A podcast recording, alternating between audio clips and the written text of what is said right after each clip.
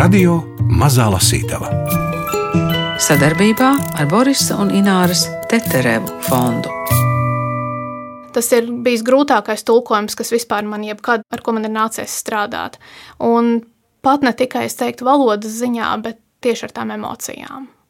Tūkotāja Laura Dreiže stāsta par amerikāņu rakstnieces Hanjas Janagiharas kulta romānu Mazliet dzīvības. Tāds ir grāmatas nosaukums izdevumam latviešu valodā. Fragmentus no šīs nelielās dzīves lasīs Gundars Āboliņš. Mazliet dzīvības Bet tas eh, šobrīd ir eh, tiešām tāds starptautisks bestsellers, eh, vārdu tiešajā nozīmē. Jau labu laiku. Jā. Tad, kad es papētīju, kas tā vispār ir par grāmatu vairāk, tad es sapratu, ka tas jau ir nu, tāds kulta romāns visā pasaulē. Es nezinu, kā līdz šim nebija tas nonācis līdz manām ausīm, nebija tas nonācis līdz mums. Mēs ar redaktoru un ar projektu vadītāju sarakstījāmies ar viņas pārstāvjiem, saskaņojot tulkojuma nianses. Tur bija ļoti stingri noteikumi no viņu puses. Pat tā, cik bieži drīkst tekstā parādīties galvenā varoņa vārds un visādi sīkumi, lai tas tulkojums tiešām būtu nopulēts un lai saskanētu ar to vīziju, ko viņa rakstot ir iecerējusi. Jūs teicāt, ka jūs ielasījāties. Kas bija tas, kas ievilka? Ievilka tas, cik sākumā viss bija normāli.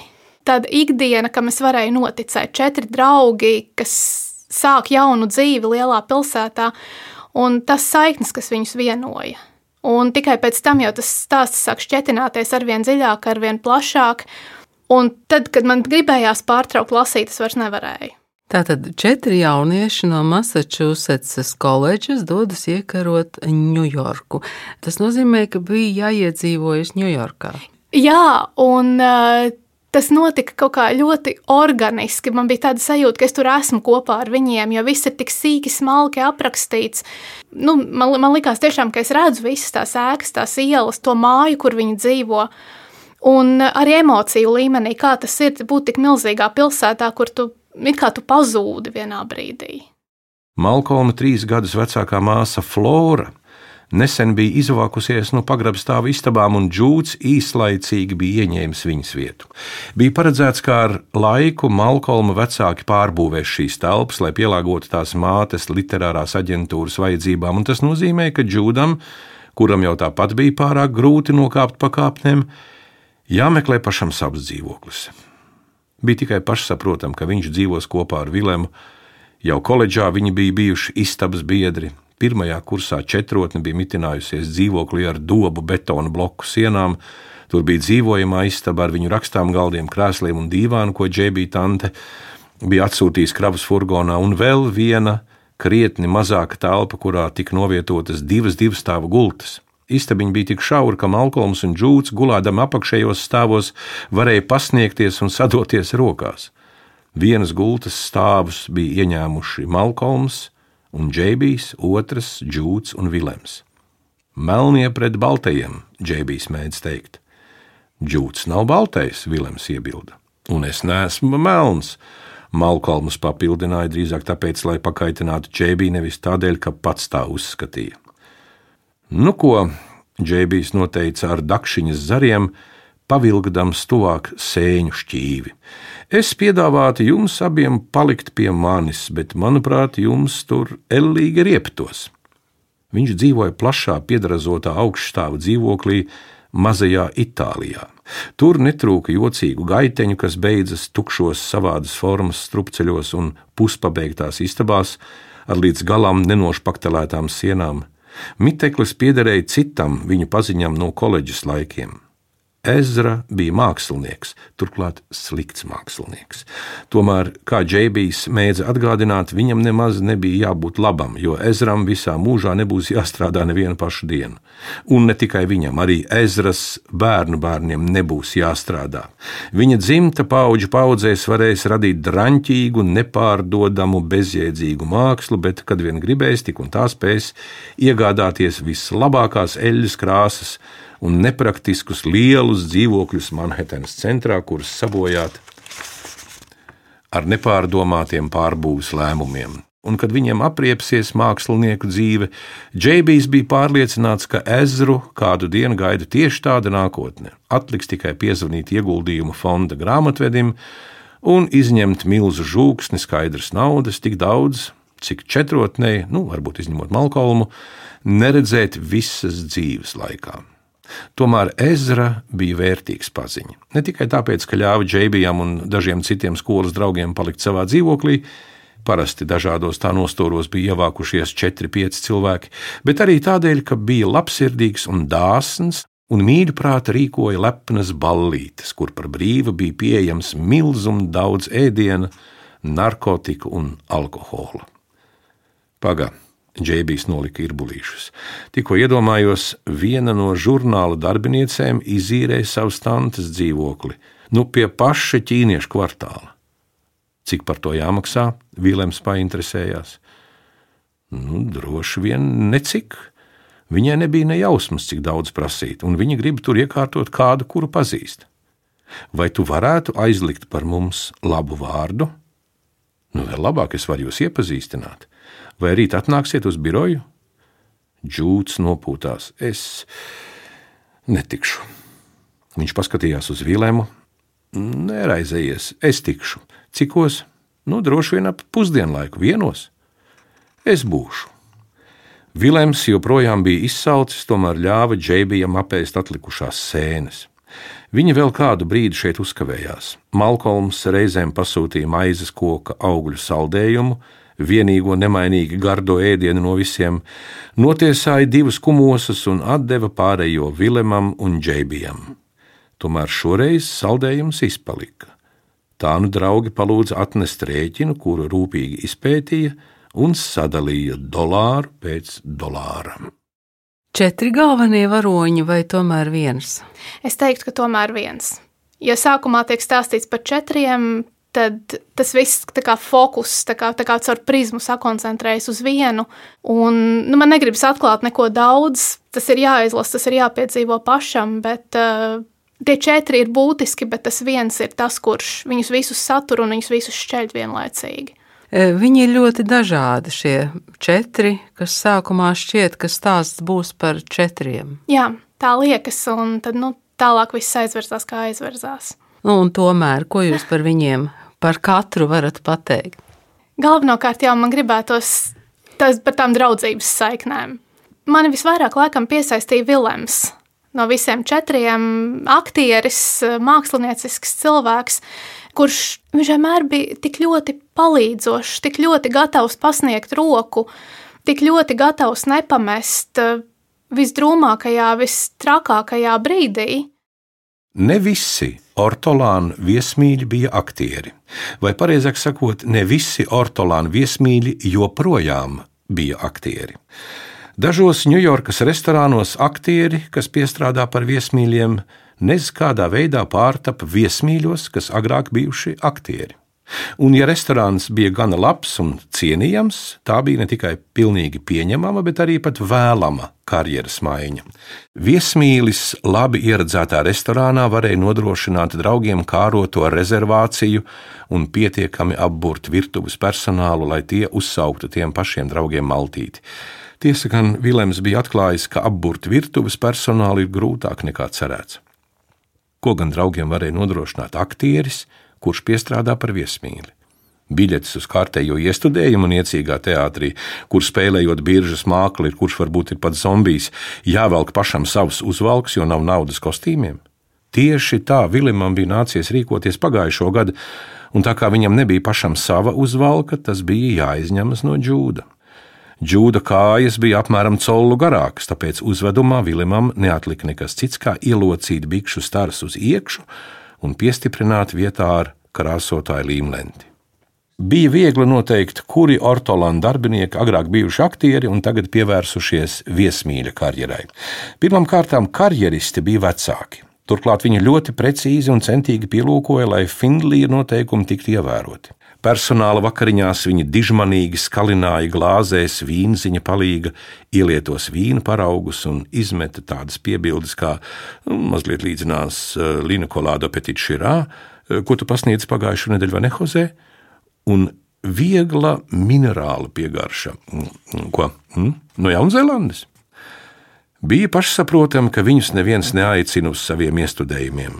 Aicināti tika citi aktieri viesmīļi, un pieklājības normas lika vismaz pacensties ierasties uz izrādēm, un ar karjeristiem neviens pilnīgi noteikti neapsprieda proves, aģentus vai ko tam līdzīgu. Aktiera amats bija kā kaujas lauks, un viņi bija veterāni.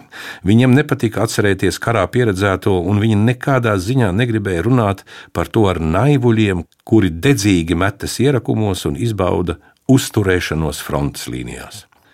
Arī pats Finglijs bija izbijis aktieris, bet atšķirībā no citiem viņam patika, lai gan patika varbūt nebija īstais vārds, varbūt pareizāk būtu vienkārši teikt, viņš mēdza runāt par savu agrāko dzīvi. Saskaņā ar Findlija versiju viņš reiz gandrīz tika izvēlēts otrā galvenā varoņa lomai Public Theatre iestudējumā Gaiša telpa Diena. Vēlāk kāda viesmīla bija paskaidrojusi, ka šajā logā visas galvenās lomas bija paredzētas sievietēm. Viņš bija dublējis kādu lomu Broadwayā, netika paskaidrots, kurā izrādē. Findlijs bija staigājošs pierādījums karjeras zudībai brīdinājums pelēkā vilnas uzvalkā, un esošie aktieri vai nu no viņa vairījās, it kā priekšnieka lāsts būtu lipīgs, vai arī rūpīgi pētīja viņu, it kā atrodoties šī cilvēka tuvumā, varētu iegūt imunitāti pret neveiksmēm.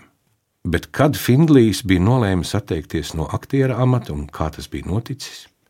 Vai pie vainas bija tikai vecums? Galu galā viņš bija krietni gados, ap 45, 50. Kā var zināt, kurā brīdī pienācis laiks mest mieru? Vai tad, kad tev ir 38 gadi, bet vēl nav izdevies atrast aģentu? Nu, bija pamats domāt, ka tā noticis ar Džoelu. Tad, kad tev ir 40, tu joprojām mitinies kopā ar dzīvokļa biedru un vairāk nopelni nekā puslodes viesmīlis, nevis pilnas slodzes aktieris, par ko tu nostrādāji tikai vienu gadu. Nu, bija zināms, ka tā ir noticis ar Kevinu. Tad, kad esi kļuvis resns vai plikpaurains, vai esi veicis neveiksmīgu plastisko operāciju, kas nespēja noslēpt faktu, ka esi resns un plikpaurains. Kad tiekšanās uz mērķi no drosmīgas kļūst viegliprātīga.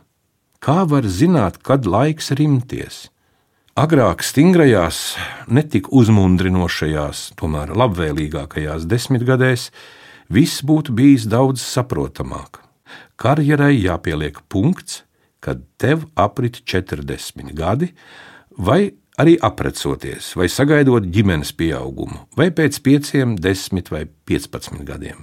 Un tad varētu atrast īstu darbu, un aktieru mākslu un sapņu par karjeru šajā jomā izplēnētu vakar vējā un izkustu pagātnē kā ledus kubiņš siltā vannā.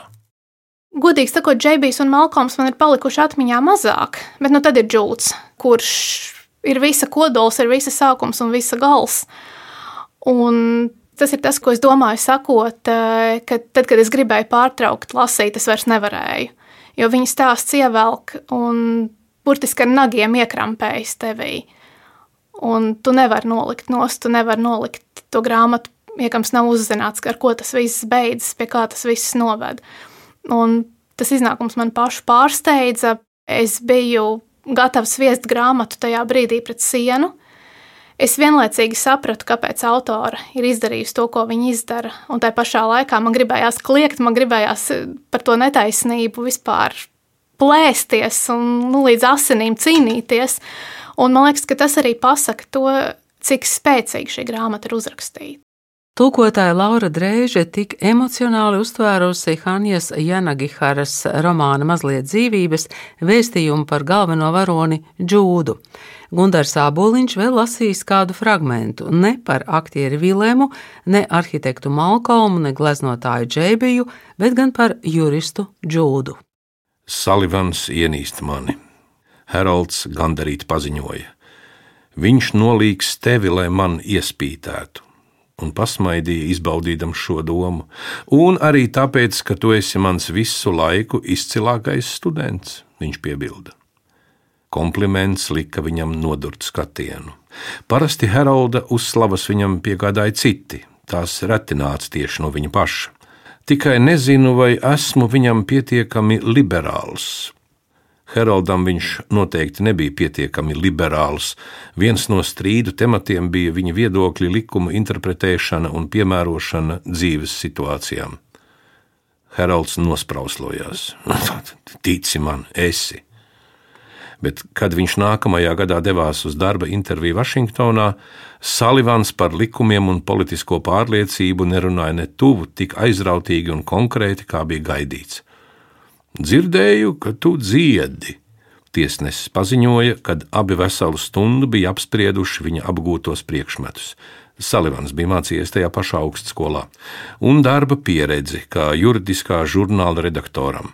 Tiesnesis bija strādājis tajā pašā amatā, kā arī viedokli par nesen iztiesātajām lietām. Jā, viņš atbildēja, gudrodams, kā Salivans to uzzinājis. Dziedāšana sniedza mierinājumu, tomēr viņš reti to darīja citu klātbūtnē. Vai viņš bija dziedājis Haralda kabinetā un kāds būtu to dzirdējis?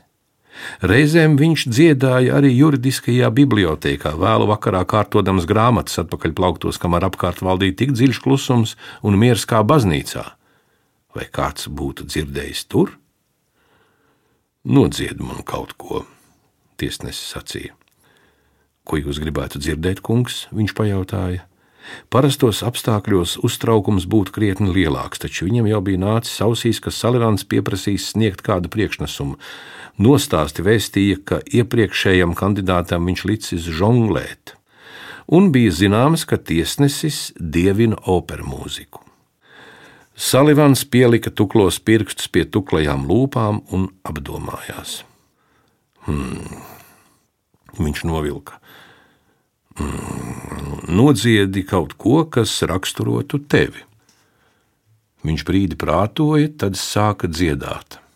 Paša izvēle, Mālera, ich bin der Welt abhanden gekommen. Tā pārsteidza, gan tāpēc, ka viņam nemaz īpaši nepatika mālers, gan arī tādēļ, ka dziesma bija sarežģīta, lēna, sērīga, smalka un nepiemērota tenoram. Tomēr viņam patika dzējolis, kuru augstskolas vokālais pasniedzējs bija nicīgi nodēvējis par otršķirīgu romantismu, lai gan viņam pašam šķita, ka tā vienīgā problēma ir netaisnīgi sliktais atzējojums. Parasti pirmo rindu tulkoja kā Es esmu zudis šai pasaulē, taču viņam labāk patika lasīt to, kā es tagad esmu zudis šai pasaulē, jo viņš iztēlojās, ka tādējādi apgalvojums kļūst mazāk žēlabains un melodramatisks un iegūst rezignētu, tādu kā apmulsušu noskaņu. Es tagad esmu zudis šai pasaulē, kurā izšķiedu tik daudz laika. Dziesma vēstīja par mākslinieka dzīvi, bet viņš pavisam noteikti nebija mākslinieks. Tomēr līdz sirds dziļumiem izprata, ko nozīmē zaudējums, atraisīšanās no pasaules un patvēršanās citā, nomaļā, drošā vietā, kā arī vienlīdz spēcīgās ilgas pēc bēgšanas un jaunatklājumiem. Man ir viena alga, ja pasaule domā, ka manis vairs nav, es patiešām nevaru iebilst, jo patiešām vairs neesmu tās daļa. Pabeidzis viņš atvēra acis, tiesnesis aplaudēja un smējās. Bravo! Bravo! Viņš iesaucās, bet, manuprāt, tu esi izvēlējies nepareizo profesiju. Salivans vēlreiz iesmējās. Kur tu iemācījies tā dziedāt? Pie brāļiem, kungs, viņš atbildēja. Ā, katoļu zēns, ko? Tiesnesis vaicāja, izsliedams resno augumu taisnāk un sagatavodamies, ka atbildes sniegs gandarījumu. Mani audzināja kā katoli, viņš iesāka. Bet tu vairs tāds neesi, Salivans sarauc pieri. Nē, viņš teica, gadu gaitā bija nācies rūpīgi piestrādāt, lai to sakot, neatvainotos. Salivans kaut ko neskaidri noņurdēja, Nu, lai arī ko tie brāļi būtu devuši, tam būtu vismaz zināmā mērā jāpasargā no visām muļķībām, ar kurām Haralds Steins pēdējo gadu laikā bija piebāzis sev galvu. Tiesnesis ielūkojās viņa CV. Tu esi viņa palīgs pētniecības jomā. Jā, viņš atbildēja, jau vairāk nekā divus gadus. Tā tiek izniekotas lieliskas prāta spējas, Salivans paziņoja. Nebija skaidrs, vai tiesnesis runā par viņu vai Heralda prātu. Paldies, ka atnāci. Mēs sazināsimies ar tevi. Un paldies par dziesmu, teica Salivans. Vai nav tā, ka tur ir diezgan daudz arī tādas mūsdienu Ņujorkas um, realitātes, darbības, lietas, Jā. vietas? Ir, un uh, ar to arī bija sarežģīti, jo teksts ir pilns ar atsaucēm uz visu, ko. Teksts ir pilns ar žargonu, ar uh, dažādām lietām, kas ņujorkiešiem ir pilnīgi normāla ikdiena. Un Mēs Latvijā šeit to nesaprotam. Līdz ar to tur bija jautājumi, ko skaidrot zemesvītras piezīmēs, ko paskaidrot tekstā, kā to visu padarīt latvietim saprotamu. Tas bija vēl viens līmenis, kam ir jātiek pāri. Grāmatas apjoms jūs nenobiedēja tulkošanai? Tas izraisīja tādu ļoti dziļu cieņu. Teiksim tā, es eh, jau sāku tulkot ar milzīgu piesardzību. Gribētos teikt, ka lauvas darbu tur paveic redaktori arī to visu savēlkot kopā, novienādojot, kur pēc tam vēl autore prasīja pārskatīt daudz ko. Tur vajadzēja skatu no malas. Tas ir bijis grūtākais tulkojums, ar ko man ir nācies strādāt. Un pat ne tikai es teiktu valodas ziņā, bet tieši ar tām emocijām. Un tas bija uz ilgu laiku. Es man liekas, ka tulkoju pusgadu šo vienu grāmatu. Es ar viņu cēlos, es ar viņu gāju gulēt, e, naktī modos, pierakstīt kaut kādas idejas, tulkojumiem, vārdu atveidojumiem. Bija jau vesels pārbaudījums arī saprast, kā nosaukumu latviskot. Tāpēc, ka tas angļu valodā tam ir vairākas nozīmes, un tas arī parādās tekstā. Par to mums bija sarunas un pārunas, ko vispār iesākt. Tas burtiski šī grāmata pārņēma manu dzīvi uz pusgadu. Angliski kā nosaukt, A Little Life. life A Little Life, kas būtībā, ja, ja pat paņem burtiski, ka tā ir neliela dzīve, tā grāmata tiešām ir kā neliela dzīve. Tas tieši par apjomu runājot, ko jūs pieminējāt iepriekšējā jautājumā, ka to izlasot, tiešām ir sajūta, ka tu esi nodzīvojis dzīvi. Un tā pašā laikā tās ir dzīvības pazīmes, tas ir mazliet dzīvības, kas nu, attiecas kontekstā uz galveno varoni.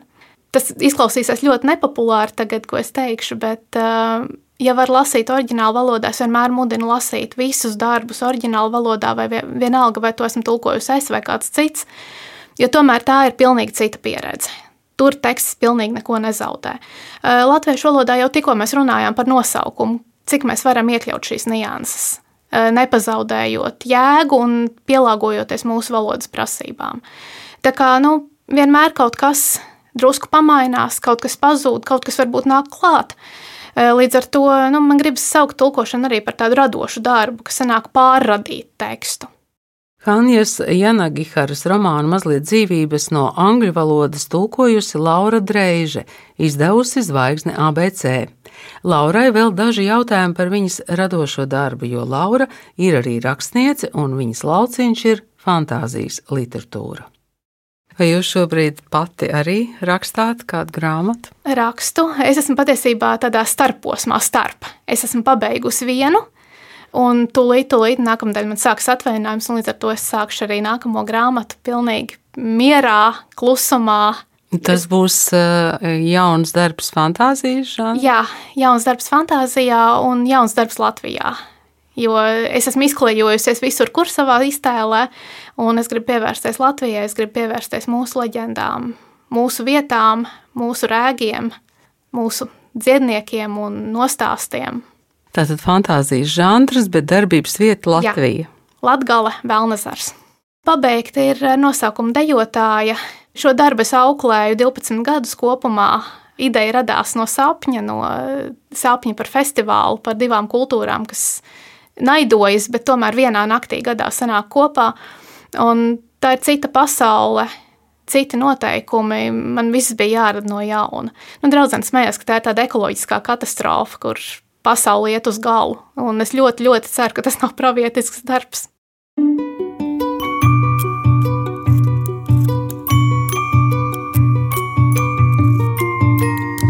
Radio Mazā Lasītava sadarbībā ar Borisa un Ināras Teterevu fondu.